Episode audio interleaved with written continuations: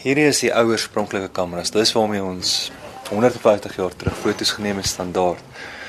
Ons gebruik hierdie kameras vandag nog. Natuurlik hierdie is nou 'n baie ou ouetjie. Hy kom van 1925 af. Dis 'n Kodak.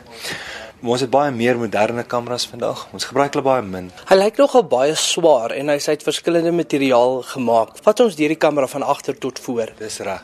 So hierdie kameras van hout gemaak. Natuurlik die moderne kameras alles metaal en is 'n baie ligter kamera.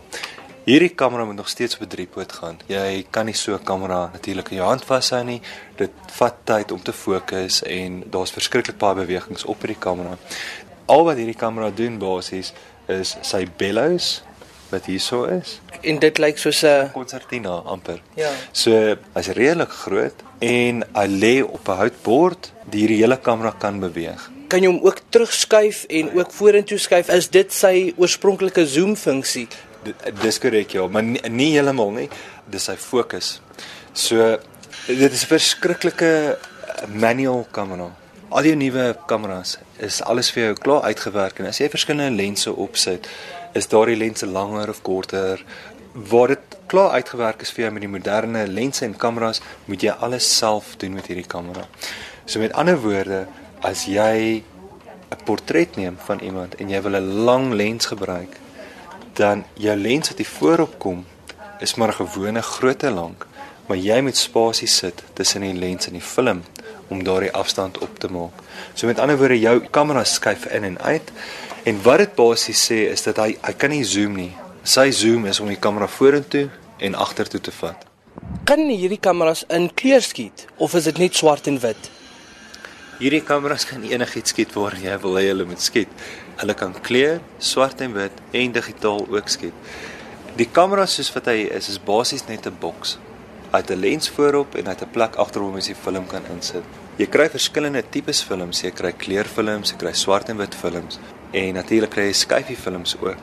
So dit maak nie saak wat jy in die kamera insit nie al wat saak maak is of die film grootte die regte grootte vir hierdie kamera is. So word hierdie kameras nog deesdae gebruik? Weet jy, sommige ouens doen en hulle maak nog van hierdie kameras. Dit het baie spesialis geword, maar dit het nog steeds 'n rol, dit het nog steeds 'n plek en daar is van die ouens wat nog steeds gebruik. Hoe verskil 'n foto wat jy hiermee neem met 'n foto wat jy deesdae op 'n digitale kamera kan neem? Wel, die kwaliteit is fantasties. Mens kan mens kan glad nie vergelyk in terme van kwaliteit nie. Daar's twee goeders, ja, natuurlik uit al sy bewegings, maar dan die lens is ook baie spesiaal. As gevolg van die grootte van die film wat mens gebruik, is jou lense van baie baie hoë kwaliteit. Om vir daardie groot film te kompenseer, is jou diepte van veld op hierdie lense verskriklik mooi ook.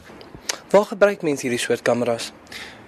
Ek sal sê meestal in die studio vandag en veral vir kosfotografie, uh, karfotografie, maar nie meer so baie nie. Uh, die nuwe kleiner kameras is baie goed daarvoor. 'n Proses wat nou weer besig is om baie gewild te raak, 'n baie ou proses van 1864 af, is die Collodion wet plate proses. En dit gebruik hierdie ou kameras, jy maak jou eie film, jy het 'n stukkie glas, jy gooi Collodion op dit, hierdie glasplaatjie met die Collodion sit mens dan in 'n silwer button en wat mens dan in die kamera sit. Dis 'n baie ou, baie mooi proses, handgemaak en verskriklik skerp en en hierdie proses is besig om gewild te raak en as gevolg van hierdie autentieke werksmetodes is hierdie ou houtkameras weer besig om baie gebruik te raak.